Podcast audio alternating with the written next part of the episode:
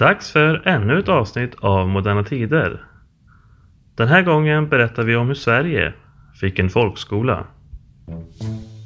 År 1842 bestämde Sveriges riksdag att folkskola skulle införas. Kyrkolagen 1686 hade dock redan stipulerat hur alla i riket skulle kunna lära sig att läsa med hjälp av undervisning i hemmet.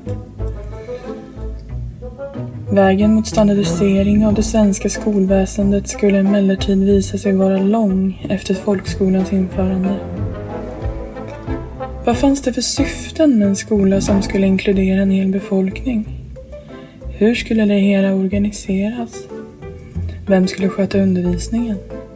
Och hur skulle man finansiera det? Den som ska räta ut frågetecknen i detta avsnitt är Johannes Westberg. Han är professor i pedagogik vid Örebro universitet. I sin forskning har han främst inriktat sig mot förskolans och skolans historia ur olika perspektiv. Då hälsar jag Johannes Westberg. Välkommen till podden. Tack så mycket. Eh, vi ska ju prata om folkskolan idag och dess införande i Sverige och historia. Jag tänkte lite, man kunde börja prata lite eh, om skolhistoria generellt i Sverige. Hur långt tillbaka i tiden har man haft liksom reguljär undervisning eller vad man ska säga? Ja, det, det är en väldigt bra liksom, första fråga men det är samtidigt också en ganska svår och, och allmän eh, fråga förstås. Men alltså skolor har funnits länge i Sverige Eh, och man kan se den redan på, liksom, på 1500-talet fanns det skolor. Men då var de oftast knutna just till mer till, till statsapparaten och utbildandet av tjänstemän för staten. Så då var det väldigt få som gick i skola överhuvudtaget. Och när det gäller institutioner som handlar om utbildning så var det ju först och i med eh, så här, på högre utbildning med liksom universiteten i, eh, i Uppsala och sen förstås beroende på hur man räknar i Lund som man fick eh, högre utbildningsinstitutioner. Ska man sedan fortsätta framåt i tiden så kännetecknades tid, modern tid, eh, 1600-1700-talet av en, en utvecklad folkundervisning där allt fler lärde sig att läsa i någon mån. Men då var ju undervisningen, då dominerades den undervisningen av, av eh, den skedde i hemmen där föräldrarna hade ansvaret för att ge barnen sin undervisning. Och det var ju förstås framgångsrikt. Så, beroende på hur man räknar så kunde den svenska befolkningen i någon mån åtminstone läsa vid sekelskiftet 1800. Och, och, men om man går tillbaka, när så att säga, är det på 1600-talet typ som liksom allmogen mer också släpps in i det här? Kan man säga. Ja, alltså man, brukar ofta använda som en slags eh, startpunkt, eller som en viktig punkt i historien i alla fall, kyrkolagen 1686 som la fast att eh, alla svenskar skulle kunna lära sig läsa och läsa Bibeln. Eh, så under, sen under 1700-talet så blev det allt vanligare att ja, svenskar kunde läsa. Och man kan också se under 1700-talet, var framförallt mot 1700-talets slut, att det blev också lite vanligare med att skolor för folket, en slags folkskolor, inrättades i, i socknarna. Mm. Och när eh, folkskolestadgan infördes 1842 så hade uppemot hälften av alla församlingar en egen skola. Men vem var det som undervisade där då? Eller var det riktiga lärare så att säga, eller var det bara någon lärd på byn så att säga? Eller var det... Ja, precis. Det sätter ju lite grann fokuset eh, på vad ska man säga, vad man menar med skola och vad man menar med lärare. Mm. På den här tiden så fanns det inga lärarutbildningar som man har, vi har idag. Nej. Utan det som fanns var, var, folk som hade någon slags kunskap att lära andra. Och jag har väl inte någon sån här statistik i huvudet, men att det var ofta var det eh, kvinnor som, eftersom de hade undervisat barn i hemmen i läsning, så kunde de också extra knäcka som lärare för andras barn. Eh, men även klockare och organister, folk med någon form av utbildning och någon form av så, intresse och kanske behov av den extra inkomsten som undervisning eh, kunde ge. Och sådana som undervisar. Och sen det här, men infördes det här med kyrkoförhör och sånt redan då i slutet på 60-talet? Kom det senare det här med ett mer organiserat kyrkoförhör? Ja, det, det, kan man, man kan se just de här de klassiska väl, välbekanta så förhören ja. eh, så, som en del av det här liksom, hemundervisningssystemet. Eh, där föräldrar och andra i hemmen skötte liksom, den största delen av undervisningen eh, där liksom prästen hade ansvar för undervisningen i kyrkan och där prästen också hade ansvar för examinationen och se till att befolkningen hade lärt sig att läsa. Men var det präst, hur ofta, men var det typ en gång per år något då som prästen kom hem? Eller var det oftare? Jag måste säga att det där har jag alldeles för... Den tiden, den tidens undervisningssystem har jag alldeles för dålig koll på att veta. Ja. Men att det är någonting som, som skedde regelbundet och det är också en diskussion som fördes under 1700-talet rörande kvaliteten på det undervisningsväsendet. Eh, för det krävde ju att man upprätthåller en ganska god eh, liksom, kontroll av föräldrarna mm. och det fanns också många präster och andra som tyckte att föräldrarna inte riktigt skötte sin undervisning. Och delvis handlar det helt enkelt om att det är ganska svårt att eh, organisera en folkundervisning baserat på föräldrarnas frivilliga deltagande i hemmet. Ja. Alltså det, det är rätt knepigt. De har inte liksom rätt utbildning och inte rätt resurser för att genomföra. Nej, men jag tänker att kyrkan i och för sig kanske hade utfärdade ganska mycket social kontroll på den här tiden. Så det kanske ändå var att man ville verkligen följa vad kyrkan anvisade. Ja, alltså det, och det här tror jag du får ta in, intervjua eh, kyrkohistoriskt orienterade när det ja. gäller just den, den möjligheten till kontroll. Mm. Men att det är också, man bör tänka att det var liksom, Sverige var ju fram till liksom 1900, till 1900-talet ett väldigt agrart samhälle där i avsaknad av våra moderna vägar och våra moderna kommunikationer så gick allting ganska, ganska långsamt. Eh, och kyrkans möjligheter att alltid utöva liksom strikt kontroll i ett sådant samhälle är förstås eh, begränsade. Men att som alla de här berättelserna som finns om, om de här eh, läsförhören visar, så det var ju förstås väldigt spännande tillfällen där liksom prästen kom och prövade ens läskunskaper. Mm. Och tydligen hyfsat effektivt ändå i slutändan. För de flesta lärde sig läsa och Sverige hade en ganska stor läskunnighet om man jämför med andra länder, antar jag. Ja, men precis. Det var liksom en hög nivå. Men, men det i sig är ju också en, en stor, liksom, svår historisk fråga i vilken mm. mån den här liksom, 1700-talets läskampanj var effektiv eller inte. Det beror verkligen vad man, vad man förväntar sig. Den verkar uppenbart ha varit hyfsat effektiv när det gäller just att lära människor att läsa. Mm. Men hur bra de var på att läsa, det är ju liksom, det är en annan fråga. Och som forskning som finns idag rörande just läs och skrivkunnighet så innebär ju en läskunnighet utan skrivkunnighet, det är inte alls samma förmåga som att både kunna läsa och skriva, utan det är en mer, en mer begränsad mm. basic nivå Ja, och folk kanske inte använde böcker och sånt där, eller hade väl inte så mycket böcker hemma. Så man läs, praktiserade kanske inte sitt läsande heller så mycket mer än det man behövde just göra. Det var ju liksom bibel och katekes som eh, var de mest spridda. Och alltså i, i avsaknad av en så bred skriftkultur som man får under så här, inte minst 1900-talet med alla möjliga former av texter, tidningar, tidskrifter och böcker och numera liksom digitala så omgavs man ju inte av bokstäver och texter på samma sätt.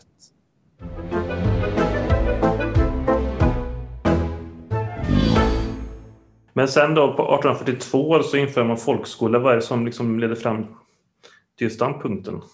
Ja, man kan verkligen se det lite grann från då olika håll. Man kan se det dels som en del av en internationell trend i någon mening där folkskolestadgor motsvarande inrättas i, liksom, i hela västvärlden.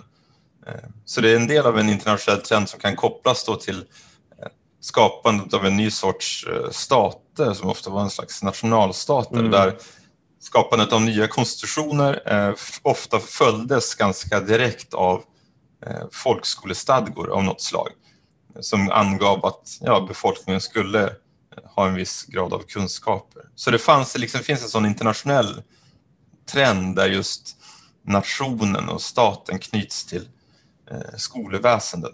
Men sen finns det förstås i, i nationella kontexter också. I Sverige så fanns det delvis då ett, ett missnöje med som ofta finns kring utbildningsväsendet även idag. Liksom. Det fanns en missnöje med folkundervisningen under 1700-talet.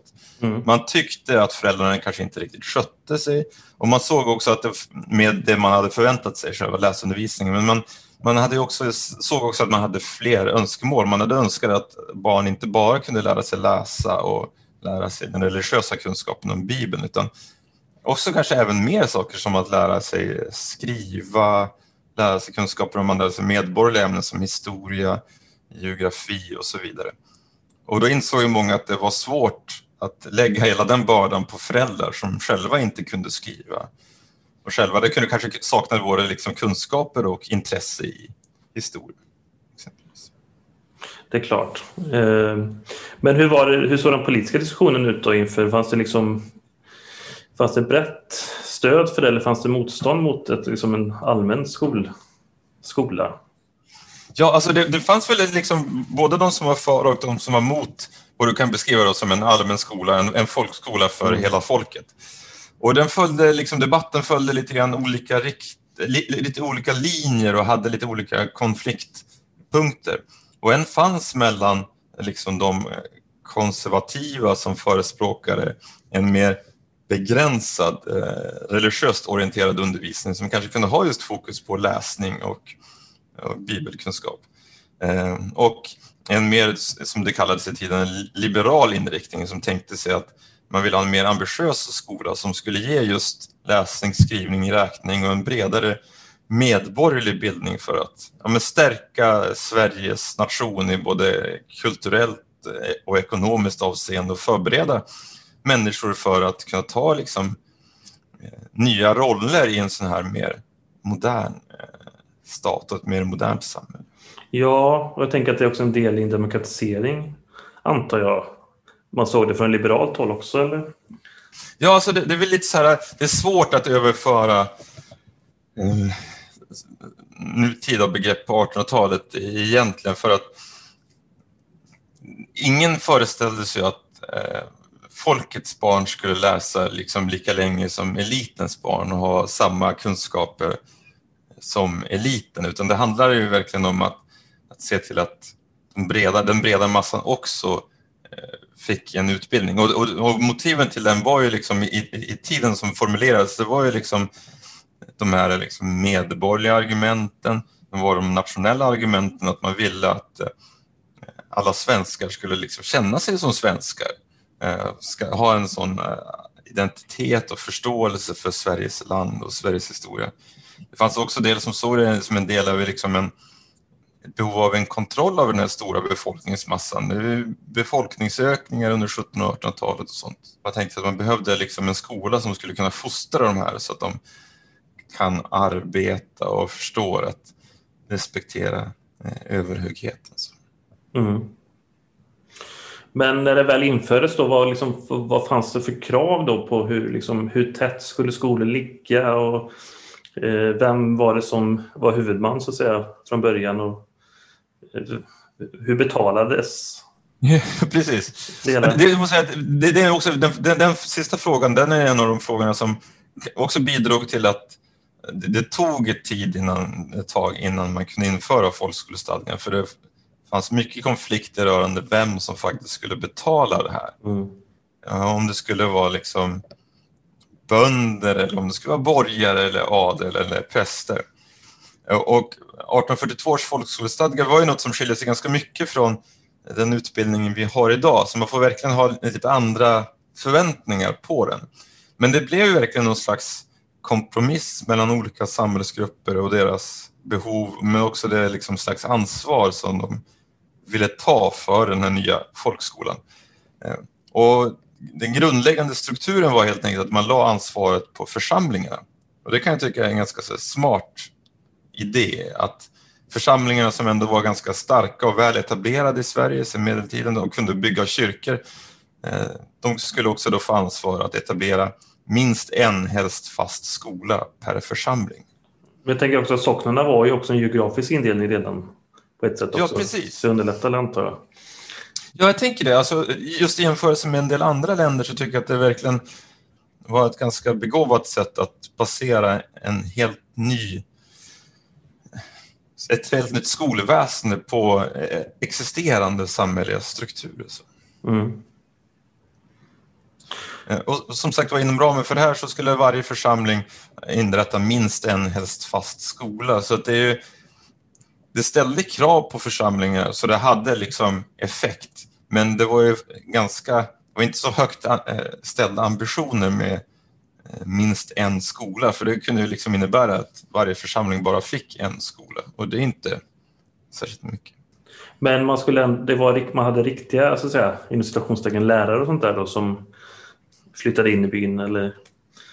Ja, precis. Och det, det var det som var tanken lite grann, att man försökte stär, ändå stärka upp det var inte så högt uppställda ambitioner, men man ville liksom se till att eh, skapa ett skolväsende där det fanns skolor över hela Sverige, inte bara i, en del församlingar. Och som del av de kraven som ställdes var det liksom att man fastlade en minimumlön för de här folkskollärarna och man fastlade också att de skulle ha en, en utbildning, en lärarutbildning. Ja. Och det funkade bra att kunna rekrytera folk? Alltså det, det här är liksom, hela 1800-talets historia om folkskoleväsendet är ju liksom en, en historia om lite grann om en strävan efter att etablera ett skolväsende under liksom ganska tuffa och svåra förhållanden. Och en av sakerna som var innebar en begränsning var verkligen att det, det, var, det är förstås svårt att rekrytera lärare mm. Tillräcklig eh, mängd och hitta folk som ville liksom spendera tid först på ett folkskollärarseminarium eh, och sen flytta någonstans eftersom det är så utspritt. Sverige är ju fortfarande så stort att, mm. att det finns... Ja, jag menar det. Det måste ja. ju varit massvis med sockner och så. Ja, så det, jag tänker att det kanske inte var lätt att nå ut. Men du, tänk, du säger mig att det är, liksom, det är en, en utsträckt process rent över tid att få det här att funka. Ja, och det är, väl, det, det är lite kul med Folkstyrelsestadgan att den satte ju också en, en ram att inom fem år från juni 1842 så skulle man ha fixat det här. Och de flesta församlingar, eftersom de hade liksom sin organisatoriska bakgrund och hade allting egentligen på plats, så kunde de eh, åtminstone formellt säga de flesta efter fem år att de hade en skola. Mm. Eh, men att det, från början så var skolgången, liksom, det fanns ju många problem med att eftersom man skulle ha en skola men det fanns inte så mycket riktlinjer rörande hur länge barn skulle gå i skola, hur mycket barn skulle gå i skola, vilket innebär att det var mycket frånvaro förstås eftersom det fanns inga sådana regler. Eh, ofta ganska korta skolveckor eller, eller terminer. Eh, så det var ju liksom, det, det, det, tog hela, hela liksom, det fram till liksom 1900-talets början, det först då egentligen som ett, ett fullständigt folkskoleväsende har etablerats där eh, alla liksom församlingar har ändå utbildade lärare där de flesta barnen går i skola eh, åtminstone några dagar i veckan och så där. Men jag tänkte på en sak så jag kom på nu. Hur såg som bönderna på det här med skolgång? Då? Alltså, alltså, tyckte de att det var onödigt eller tyckte de att det var... Jag tänker att barnen användes ganska mycket inom jordbruket också tidigare. Då. Ja, precis. Eh, och det är också en bra fråga. Det är liksom, bönderna var väl väldigt eh, tudelade till det här. Eh, och det finns mycket forskning kvar att göra här. För man kan se, å ena sidan så var det ett lämpligt ställe för, för barnen att få, få utbildning. Å andra sidan så innebar sättet på vilket de finansierades i socknarna lokalt, det var en väldigt stark lokal finansiering av folkskolan, att skattebördan eh, lades på bönderna istället för de icke landägande exempelvis. Mm. Så att det var en av sakerna som bönderna hade emot den nya folkskolan, att det var de som fick betala för den och då betala för skolgången även hos andras barn. När det gäller innehållet så, så fanns det också där mycket, eh, mycket frågor kring vad som egentligen är nyttigt att lära sig. Eh, och bönderna hade verkligen, vilket liksom linje med annan landsbygdsbefolkning, förståelse för att det var bra att lära sig läsa och lära sig Bibeln och skriva och räkna kunde finnas liksom, mm. en viss förståelse. Men de andra ämnena, och det finns många berättelser just om eh, lärare som har blivit hotade för att de har liksom, eh, tvingat barn att lära sig sånt som historia, geografi ja. mm. och gymnastik som framstod som fullständigt eh, meningslöst i en så svensk agrar 1800-talskontext. Inte minst då kan man tänka sig gymnastik där man föräldrar säkerligen lätt tänkte sig att de får röra sig tillräckligt mycket ja, precis. i vardagen. Ja. Men det fanns ingen sån aspekt i det här att man skulle liksom försöka få komma bort från barnarbete eller så? Att de skulle gå i skolan? Ja, men det fanns en sån och det fanns alltid en sån debatt över hur barnarbetet eh, liksom, eh, drabbade eh, liksom, skolgången. Men eftersom kraven var så pass eh, låga på närvaro under 1800-talet, mm. det innebär att liksom fortfarande vid sekelskiftet 1900 så var det i många län var det mer än 50 procent av barnen som bara gick i skola på halvtid. Ja. Så var inte konflikten mellan eh, det arbete man behöver göra liksom, i hemmet, på gården och skolan, den konflikten var inte särskilt stark för att man kunde lätt kombinera. Och man behöver inte ha så här potatislov eller sådana saker för man kunde lätt kombinera skolgång med eh, arbete i hemmet.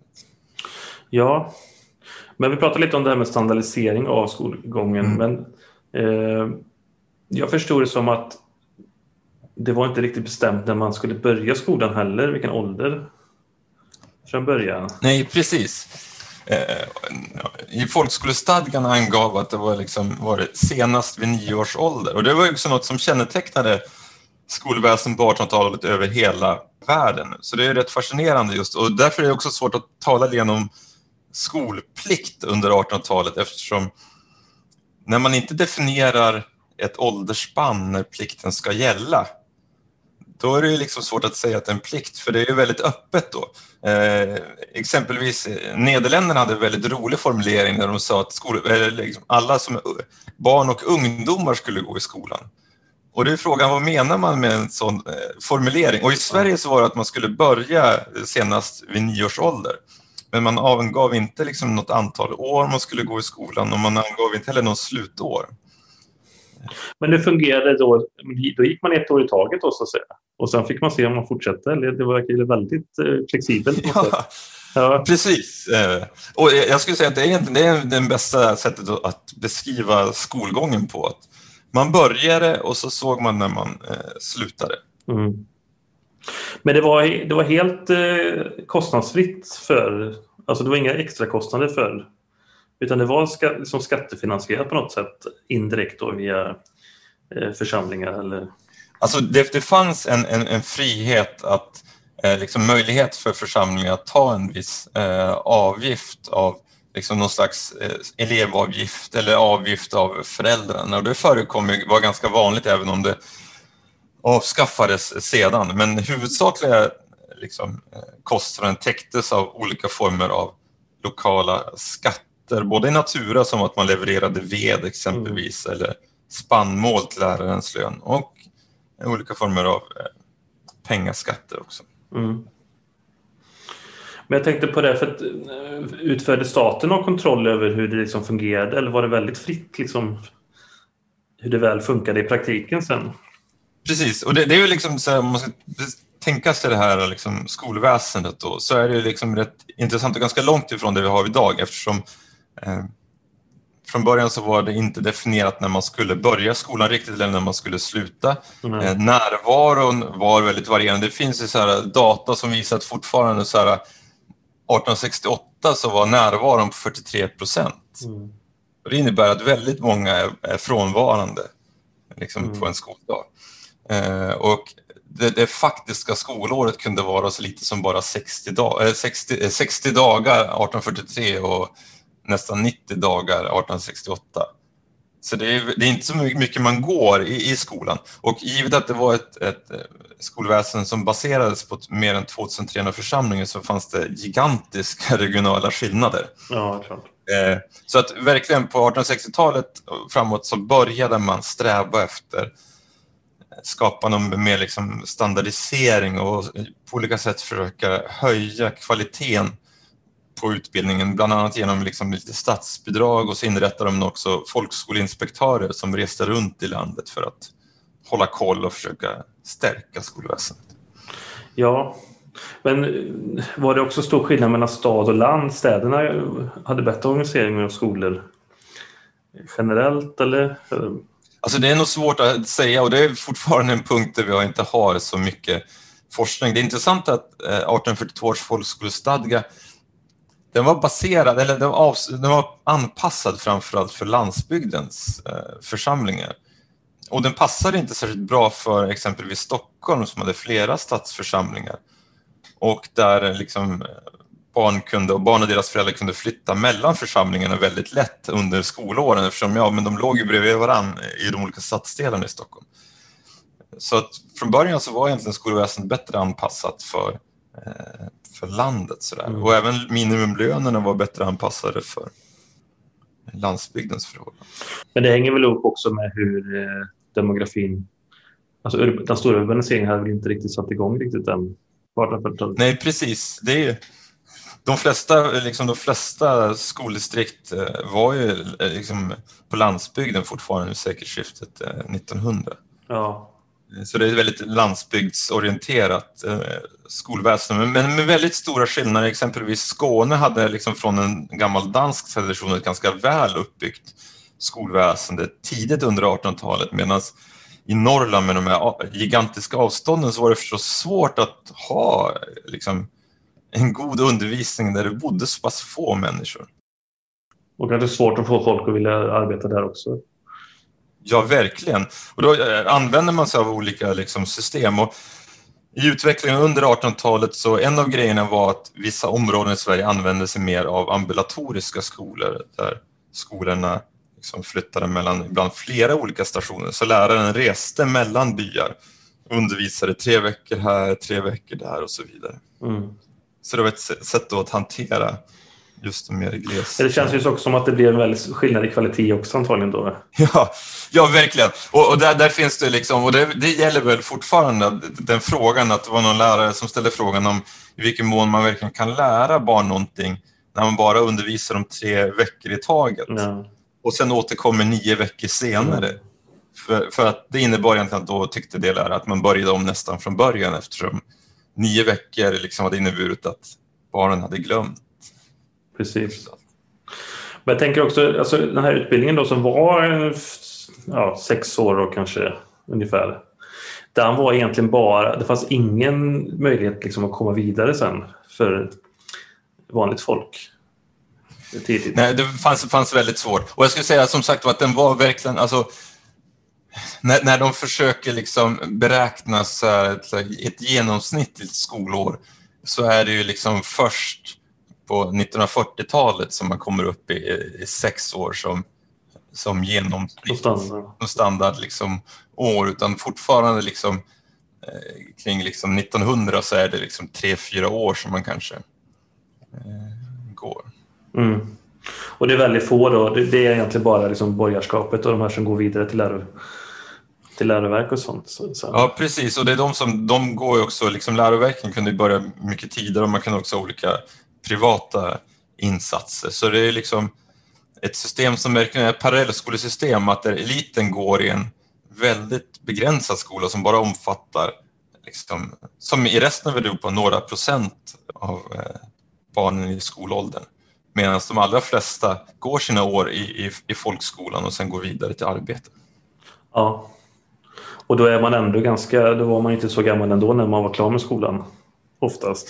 Nej, precis, man, man bör, bör ha klarat av det liksom vid 12-13 års åldern. Ja.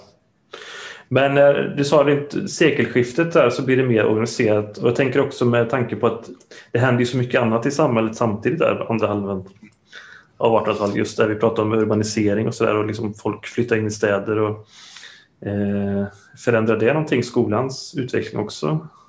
Ja, men det, det är verkligen så. Hela 1800-talet är också, samtidigt som det är liksom en kamp mot vissa liksom begränsningar så är det också en hela tiden en strävan från politiskt håll att utveckla den svenska skolan. Och man får ju liksom allt fler, allt större andel av barnen går liksom i folkskolan allt längre och undervisning utvecklas också. Eh, och om man inför såna eh, så kallade normalplaner eh, från 1870-talet och framåt, där man försöker, eftersom de lokala och regionala skillnaderna var så stora så kunde man inte säga att alla skolor skulle vara på ett sätt, mm. utan man gjorde uppdelningar som mest tror jag det var i, i, i 15 skoltyper för att ändå begränsa lite grann, men ändå så att man kan liksom homogenisera, men man kunde inte homogenisera för mycket, då hade man liksom 15 sorters ja. skolor och 15, egentligen 15 lite så olika läroplaner som det låter man... lite rörigt tycker jag. Men, eh, ja. ja. det, det, är ett fantastiskt då, liksom, komplext och eh, skolsystem med gigantiska regionala var, eh, ja. variationer. Och det är förstås någonting som man också eh, kritiserar mycket, inte minst från lärarhåll, där man beklagar sig över att det kallas för normalplan när det egentligen inte finns någon normalplan, utan bara massa olika planer. Men sen, eh, då den stora förändringen blir här med undervisningsplanen 1919, där man egentligen säger att det finns fyra sorters eh, där alla ska ha välutbildade lärare och ett lika, en likartad läroplan. Eh, och det är de som egentligen alla eh, barn ska gå i. Och sen finns det några undantagsformer, men det är bara liksom undantag. Så från 1919 så får man egentligen, där börjar, om man vill sätta liksom några punkter så, här, så börjar nästan någon form av ny enhetlighet i den svenska folkskolans historia.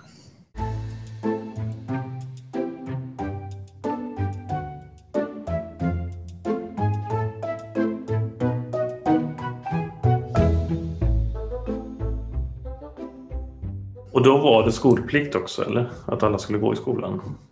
Ja, då blir det liksom en... Eh, där, där har man kommit till ett läge där man börjar närma sig eh, liksom någon slags modern skolplikt. Det enda man kan säga är att i idag så innebär eh, liksom skolplikt att egentligen alla barn, som alla som gills som barn, de måste gå i skolan. Och nu är det liksom inklusive förskoleklass till grundskolans slut så måste man gå i skolan. Men fortfarande på 1940-talet eh, så var det ju bara en sexårig skola mm. för de allra flesta. Och det fanns något som heter fortsättningsskola också fanns ju sen, fattar jag som. Ja, precis. Och man hade också infört liksom eh, hållit på och arbetat med att införa en sjuårig folkskola, men alla gick inte den. Så, att, eh, så det fanns alternativ och på 1900-talet så ökades också möjligheten att gå vidare från eh, folkskolan till vidare utbildning. Eh, men att det var fortfarande så att de flesta gick bara liksom sex år. Och då hade det verkligen, efter 1919 så var det också att man begränsade allvarligt möjligheterna att gå skola på halvtid. Mm. Så att eh, från 1919 så blev det verkligen en tydlig liksom, riktning mot heltidsskola för alla barn under typ sex år. Ja. Men jag tänkte just på den här skillnaden i längd och sånt där och fortsättningsskolan, det var ett eller två år. Berodde det på vart man bodde någonstans eller var det någonting man kunde välja hur mycket man ville gå? Eller hur var det bara? Ja, sådana, sådana saker berodde väldigt mycket eh, på var man eh, bodde. Och det är också en av, av de aspekterna av införandet av, av, grundskolan som man kanske inte uppmärksammar så mycket. För att en av sakerna som grundskolan ville liksom åstadkomma var ju det att man eh, minskar de sociala skillnaderna i mm. utbildning och även skulle kunna erbjuda längre utbildning för folk ur arbetarklass och bondeklass och sådär. Men en av de sakerna som kännetecknade tidigare utbildningsväsendet var ju också de stora geografiska skillnader. Att bodde man långt ifrån ett, ett läroverk eller en realskola, vad man nu än liksom pratar om, så var möjligheterna att gå vidare var väldigt små. Mm. Det är ju bara så. Liksom. Det är klart. Uh... Jag tänker också lärarna, vad, vad krävdes för utbildning för den som skulle undervisa i skolan? För de gick alltså, lärarseminarier sa du, det var ju ingen, det var inte en universitetsutbildning på den tiden då utan det var något... Nej precis, utan det var ju liksom en, eh, en seminarium, någon form av så här, eh, liksom, yrkesutbildning eh, som var tydligt åtskild. Och den var från början var den liksom en ettårig utbildning och sen utvecklades den liksom eh, successivt. Men det var ju liksom en utbildning då som hade ganska stort fokus på eh, de kunskaper som lärare behövde för att kunna undervisa i samma ämnen. Och det var, hur var könsfördelningen från början? Var det mest män som undervisade från början eller det blev mer kvinnor? Ja, och det, det, det, är också en intressant fråga att, att läraryrket på så vis eh, omdefinierades under den här perioden. I de flesta länder, inklusive Sverige, så var läraryrket manligt kodat liksom under tidigt 1800-tal. Eh, men under 1900-talet, i många länder som i Sverige, så feminiserades det. Mm. Eh, och så var även, även i Sverige, så att vid, liksom, vid sekelskiftet 1900 så var det liksom en väldigt stor andel av lärarna var fröknar. Mm. Eh, ogifta kvinnor. Som... Ja, och det var någon slags ideal där att de skulle vara ogifta förstår jag som. Ja, precis. För att tanken var att de behövde ägna all sin energi åt, eh, åt barnen. Då hade man inte tid för. Men de fick gifta sig eller? Ja, i Sverige så fanns det inget så formellt. Det fanns ingen, liksom, fanns ingen lag om att eh, man inte fick eh, gifta sig. Men däremot var det liksom en diskussion kring det faktum att det var inte ovanligt att lärarinnor fick avsked. När de... Mm. Och det fick man, det var inget hinder att ge dem sparken så att säga? Nej, anställningstrygghet var inget som, som kännetecknade Sverige under 1800-talet. Nej, det är sant i Nej. Nej. Men jag tänker också senare sen då, för jag tänker det händer ju också mycket där fram. Vi pratar om 1919 och sen 20-tal och 30-tal när liksom arbetarrörelsen och sånt får mycket mer inflytande över den politiska makten. Hur, för jag tänker skol, alltså folkhemmet och välfärdsskolan är väldigt central i liksom det socialdemokratiska eh, bygget. Ja, precis. Och här kan vi också göra åtskillnad mellan liksom en rent liksom internationell dimension och eh, den nationella. För liksom i hela västvärlden under 1900-talet så finns det en diskussion eftersom skolväsendet var ganska liknande med det här parallellskoleväsendet där man hade en slags folkskola för de breda lagren och en elitskola. Och över hela västvärlden så började man se problem med det här upplägget som handlade bland annat om att man såg att det blev för lite volym, att det var allt för stor andel av befolkningen fick alldeles för lite undervisning. Mm. Eh, och man såg problem med det i, i relation till liksom det moderna samhällets utveckling där man antog att för att kunna åstadkomma en god ekonomisk utveckling så behövde man en mer välutbildad befolkning i allmänhet. Så det fanns liksom ett ekonomiskt skäl till mm. att man ville expandera skolväsendet. Men det fanns också, som inte minst var tydligt i Sverige, eh, men politiska skäl, liksom jämlikhetssträvande, där man såg problem med eh, ett samhälle som vid sekelskiftet 1900 liksom låg nästan på höjden av ojämlikhet och såg utbildning som ett sätt att eh, minska de här gigantiska samhällsklyftorna. Men handlade det också då kanske mer om att i förlängningen att få in arbetarbarnen på läroverken så att säga? Eftersom folkskolorna fanns ju redan. Eh, fast det handlar också kanske om att utveckla kvaliteten av folkskolorna också då så att säga. Ja precis, det fanns nog, det, det var verkligen eh, lite olika visioner. Och en av visionerna var ju verkligen det här att, att alla som är begåvade oavsett samhällsklass ska kunna ta sig till högre utbildning. Mm. Och då var det förstås en vision som inte innebar att man skulle överge det här parallellskoleväsendet utan snarare se till att uppmuntra begåvade från arbetarklassen och faktiskt ge dem möjlighet att gå den här långa vägen mm. via folkskola hela vägen till universitet. Men det kan jag tänka mig också kanske fanns ett eh, politiskt motstånd kring den tanken. Jag tror, kring, kring, kring, den så tror jag det var ganska liksom så allmänt, för det kan kännas som att det är så här um, ett 1900-tals meritokratiskt tänk. Mm. Men, men sen tror jag att när det gäller just utvecklingen av den svenska grundskolan så var det, det, är förstås, det finns förstås alltid konflikter, men man ska liksom inte överdriva de politiska konflikterna kring grundskolans införande. Mm. Och som jag tolkar det när jag läst litteraturen så var de svenska högerpartierna var inte så engagerade i den här frågan. Det var inte en sån eh, stor fråga. Eh, utan istället så var det, liksom, det en, en politisk debatt som handlade dels om problemen och begränsningarna med det dåvarande skolväsendet, inte minst de gamla läroverken, vilket eftersom de under liksom, 1800-talet enbart hade liksom, serverat liksom, undervisning till en ganska begränsad andel av, av barnen så klarar de liksom inte riktigt av det nya undervisningsuppdraget som var mycket större under 1900-talet med liksom en växande medelklass i Stockholm. Ja. Man kan se mycket så här tidningsartiklar från Stockholm från 1940-talet exempelvis där man beklagade sig över hur, hur trångt det var på eh, läroverken. Mm. Jag tänker att eh, kvalitens, alltså tänket med kvalitet på, på de som undervisar och sånt också öka i takten med att, så att säga, det, uppdraget blir bredare också. Så att säga. Ja, precis. Och det, det fanns ju också det en aspekt av att man ville liksom utveckla eh, kvalitet i folkskolan, man såg att det fanns stora bekymmer med eh, den undervisning som barnen fick eh, på landsbygden. Så att det var liksom övergången från folkskola till grundskola handlade liksom delvis om de problem man såg hos läroverken och de problem man såg eh, hos folkskolan. Och grundskolan eh, var på så vis liksom en radikal lösning på de här problemen eh, i de gamla skolformerna, att man helt enkelt skapar eh, någonting nytt, någonting annat. Mm. Och sen var det på 30-talet någon gång när kommunerna också tar över själva styret av skolan så att säga. Ja, precis. Att man får också liksom, under 1900-talet liksom en... Utöver liksom då, de stora förändringar som sker, nästan slags, man kan sen se att det, man närmar sig liksom grundskolereformen och sådär. Så en av de stora grejerna som sker är att man frigör folkskolan från kyrkan på olika sätt. Mm.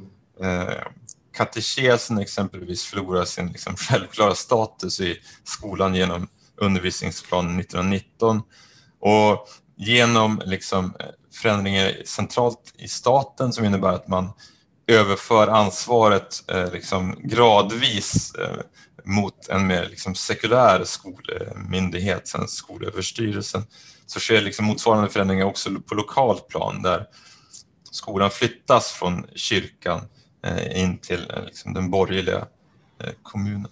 Mm.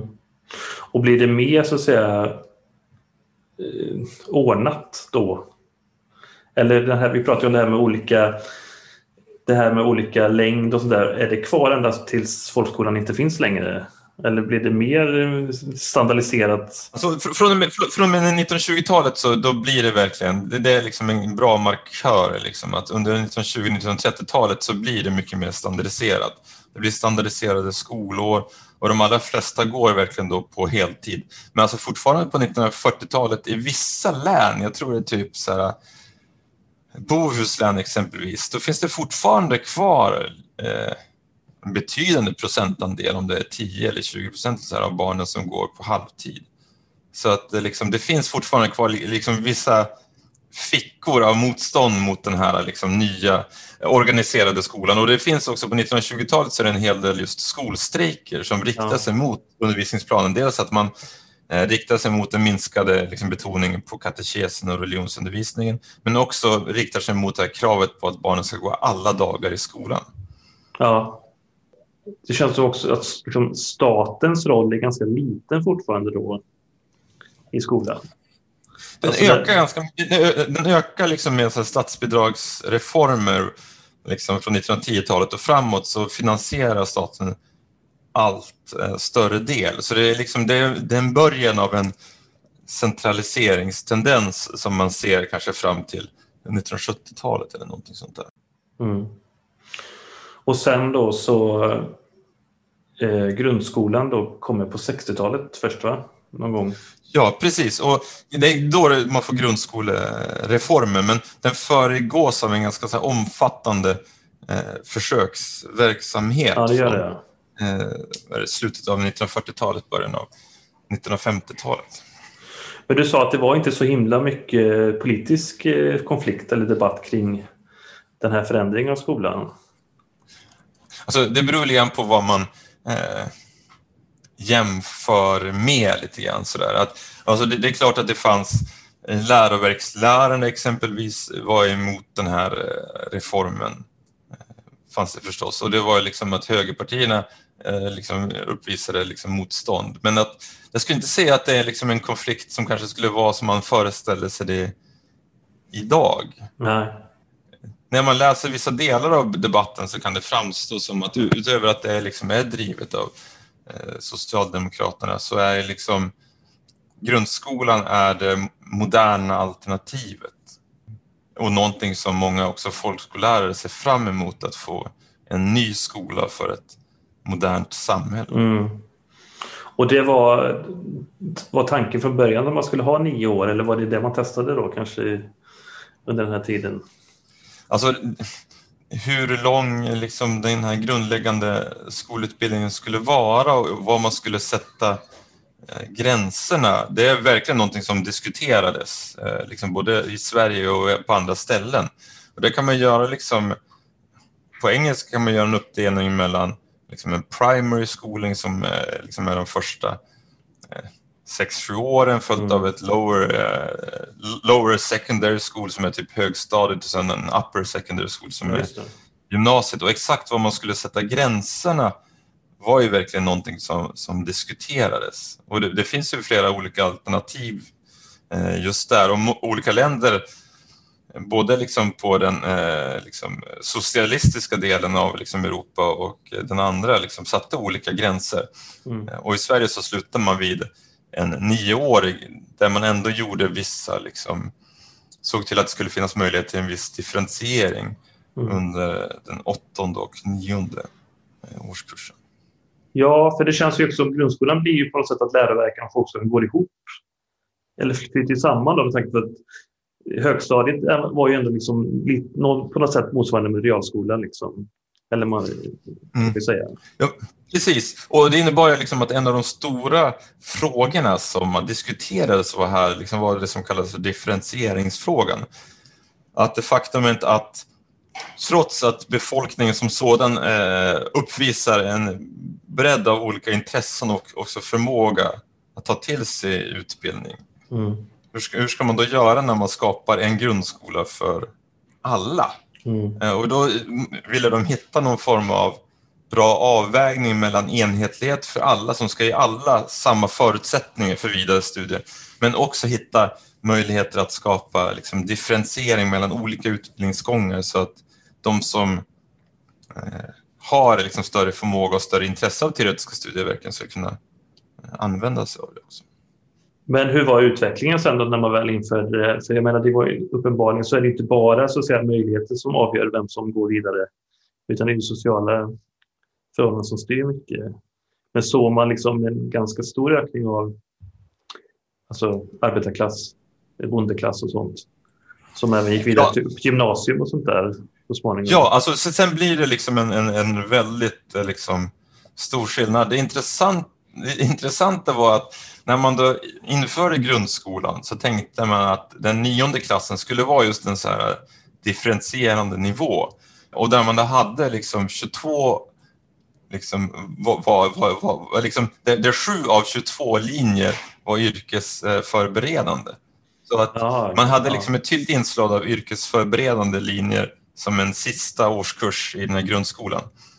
Men, då, det... Men det var någon slags eh, förgymnasium då kan man säga? Lite grann. Ja, och så var det tänka att alltså, det var liksom, man kanske kan tänka sig då att det här grundskolan infördes liksom verkligen mot bakgrund av den gamla folkskolan.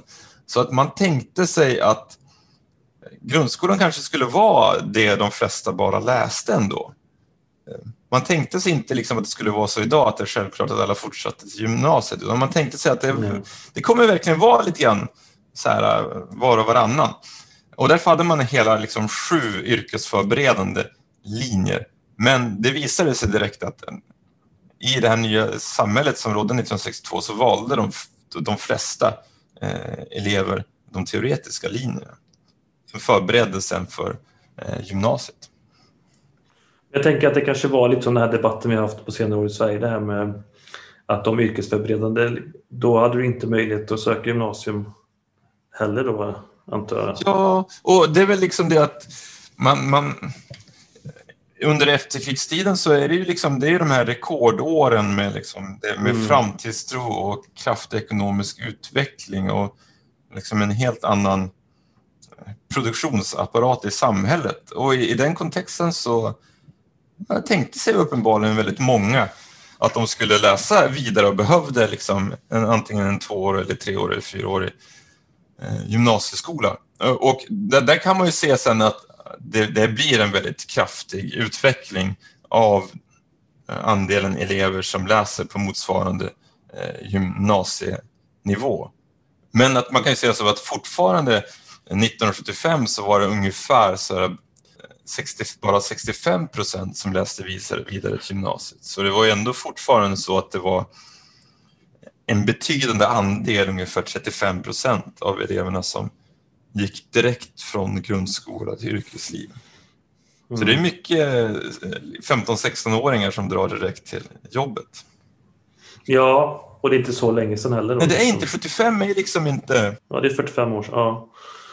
Men jag tänker att också, det känns som att skolsystemet också har liksom den förskjutningen hela tiden. Att från början var det liksom inte självklart att folk skulle gå folkskola ens och sen så går alla folkskola. Och sen är det inte självklart att alla ska gå läroverken eller högstadiet. Och sen när grundskolan kommer så går alla det ändå och så småningom så går alla gymnasiet. Och nu kanske det då inte är självklart att alla ska gå högskola och universitet. Men även där är det ju fler och fler som också, också mycket med hur arbetsmarknaden och sånt utvecklas. Ja, verkligen. Och precis, och så ska man tala om liksom saker som händer liksom under efterkrigstiden så är det dels att man ser en formligen en, en utbildningsexplosion där liksom mm. folk börjar gå på gymnasiet och den är liksom högre utbildningen eh, expanderar eh, kraftigt. Och det är, liksom, det är sånt som innebär liksom att det är fascinerande att tänka sig att alltså fortfarande så här, 1940 så var det omkring så här, 10 000 pers som gick i, i högskola och universitet. Det är liksom mindre än som går på Örebro. Ja, ja. Nej, det var ju väldigt exklusivt då, mm. antar jag. Extremt exklusivt. Och det var, ja, men jag tänker att när, när vi började i den här berättelsen om liksom folkskolans införande, det var väl egentligen ingen tanke på att de här barnen på landet skulle liksom gå, gå på universiteten då, då direkt. Så att, eh, det var ju helt andra skäl som man hade eh, tanken på att införa en folkskola. Ja, precis. Och det är ju verkligen så att då handlar det om att man vill ha eh, en grundläggande utbildning så de kan uppfylla lite grann sina plikter som delar i Svenska kyrkan och delar i det svenska samhället och bli liksom någon slags produktiva mm. medborgare. Medan liksom under efterkrigstiden så handlar ju då grundskolan om att förbereda för utbildning så att de kan, människan kan vara en del i liksom efterkrigstidens ekonomiska utveckling också. Men jag förstår också att grundskolan införs också lite sådär, eh, det införs inte överallt samtidigt utan det sker lite stegvis på olika Ja men precis, så där, där, har man ju liksom en, eh, en från och med försöksverksamheten från 50-talet och framåt så, så införs det sen över liksom eh, hela eh, Sverige. Och jag tror också där ska det finnas några sådana grejer, så det är ju inte så att alla kommuner i Sverige får en grundskola liksom 1962 nödvändigtvis. Det är jag inte säker på. Jag tror det är också en, en process. Men när, man inför grundskola, finns det då, har man då en riktig läroplan så att säga? Ja, så då, då införs det liksom en, en, en, en, ny läroplan med liksom, en eh, ny andel liksom när det gäller just liksom, man får andelen timmar och sådär. Eh. Men det är, mer, det är mer strikt då, så att säga? Mer likt det som idag, så att säga, att det är väldigt alla ska gå efter samma plan. Så ja, så det är verkligen något som sker liksom eh, gradvis. Liksom från, som sagt, från, från och med 1919 så får man en, en gradvis. Men det har ju liksom, även under grundskolan så har ju åtminstone formerna varit liksom varierande och det har ju liksom, det har funnits en tanke om att man ska erbjuda på olika sätt eh, eleven, om inte annat eleverna möjlighet att, eh, att välja. Och när det gäller formerna så har det alltid funnits för just landsbygden möjlighet att, som jag själv gjorde när jag gick i skola utanför Skellefteå, eh, läsa i klasser som eh, en 1, 2, 3, 4 och så vidare. Men att det är ju liksom Grundskolan är ju liksom ett exempel på en, ett förstatligande och ett, liksom en standardisering av mm. erfarenheten av att gå i skola och liksom de förutsättningar för skolgång som ska erbjudas eh, den svenska. Ja, men för idag handlar debatten mycket om det här med likvärdighet mm. och sånt. Alltså att, att man ska försöka liksom få bort skillnader som eventuellt eftersom med bostadssegregation och sånt där. Eh, det känns ju som att den diskussionen fanns ju inte alls då från början egentligen utan det var allting har skett liksom successivt. Ja, alltså det, det, verkligen, det fanns förstås de, de syftena med grundskolan handlar ju om att liksom försöka minska bostadssegregation, men inte minst då skillnader över landet. Då var det kanske mm. liksom en av de viktiga tankarna med det här, att verkligen se till att även om man bor på landsbygden någonstans så ska det finnas tillgång till mm. högstadium och det ska finnas tillgång till gymnasium. Så det fanns en sån geografisk eh, aspekt av det och verkligen liksom en, en slags strävan efter likformighet. Men självklart så var det här verkligen en, en process som tog tid och det är ingenting som hände 1960. För det tycker jag också är värt att mm. betona att, att införa ett helt nytt skolväsende, det innebar ju liksom inte att jag skulle själv föreställa mig att liksom undervisningen i de här nya i grundskolan, där man blandar liksom lärare från gamla folkskola och gamla småskola. Och så ja. att det var ingenting som satte sig direkt. Nej, det måste ju vara också kulturkrock också kanske mm. ofta. Eh, så. Men jag tänkte avsluta med en fråga. Mm. Jag ska runda av lite här, men jag tänker idag så ser man ju, pratar man mycket om utbildning som en rättighet för individen mm. i ett demokratiskt eh, samhälle. Eh, hur mycket, vi pratade lite om början när man införde folkskolan och det här att alla, ändå en slags tanke på att alla skulle kunna gå eh, lite i skolan i alla fall. Eh, fanns det no, hur liksom rättighetstanken fanns den? Eh, eller handlar det mer om att man skulle ha liksom en stark, den här nationalistiska tanken? Alltså, alltså, alltså exempel i, i folkskolestadgan 1842 så är den intressant för att den lägger ju liksom, den talar ju väldigt lite om vare sig rättigheter eller skyldigheter när det gäller barn och föräldrar. Utan den fokuserar väldigt mycket på de skyldigheterna som församlingarna har att se till att de här skolorna finns där. Så det är liksom ett radikalt annat perspektiv på, på utbildning som betonar just då lokalsamhällets skyldighet att erbjuda. Eh, och då handlar det mindre liksom om elevers rättighet i skola eller skyldighet att gå i skola för att den är väldigt vagt formulerad. Det enda som finns då är en skyldighet att, eh, att lära sig. Utan det här rättighetsperspektivet är ju någonting som växer fram under 1900-talet där man just börjar tala om det här liksom i, i politiska termer av inte minst social jämlikhet. Att alla barn faktiskt ska ha en rättighet till en skola som är av samma kvalitet och omfattning som, som andra barn. Ja, men eh, då tackar jag dig Johannes Westberg för det samtalet. Ja, tog, eh, stort eh, tack själv. Kul att få vara med och få prata lite grann om folkskola och grundskola och så vidare. Ja, ja men det är jättespännande. Du har hört ett avsnitt av Moderna Tider Gäst var Johannes Westberg. Programledare Stefan Hjalmarsson. Speaker Matilda Söv.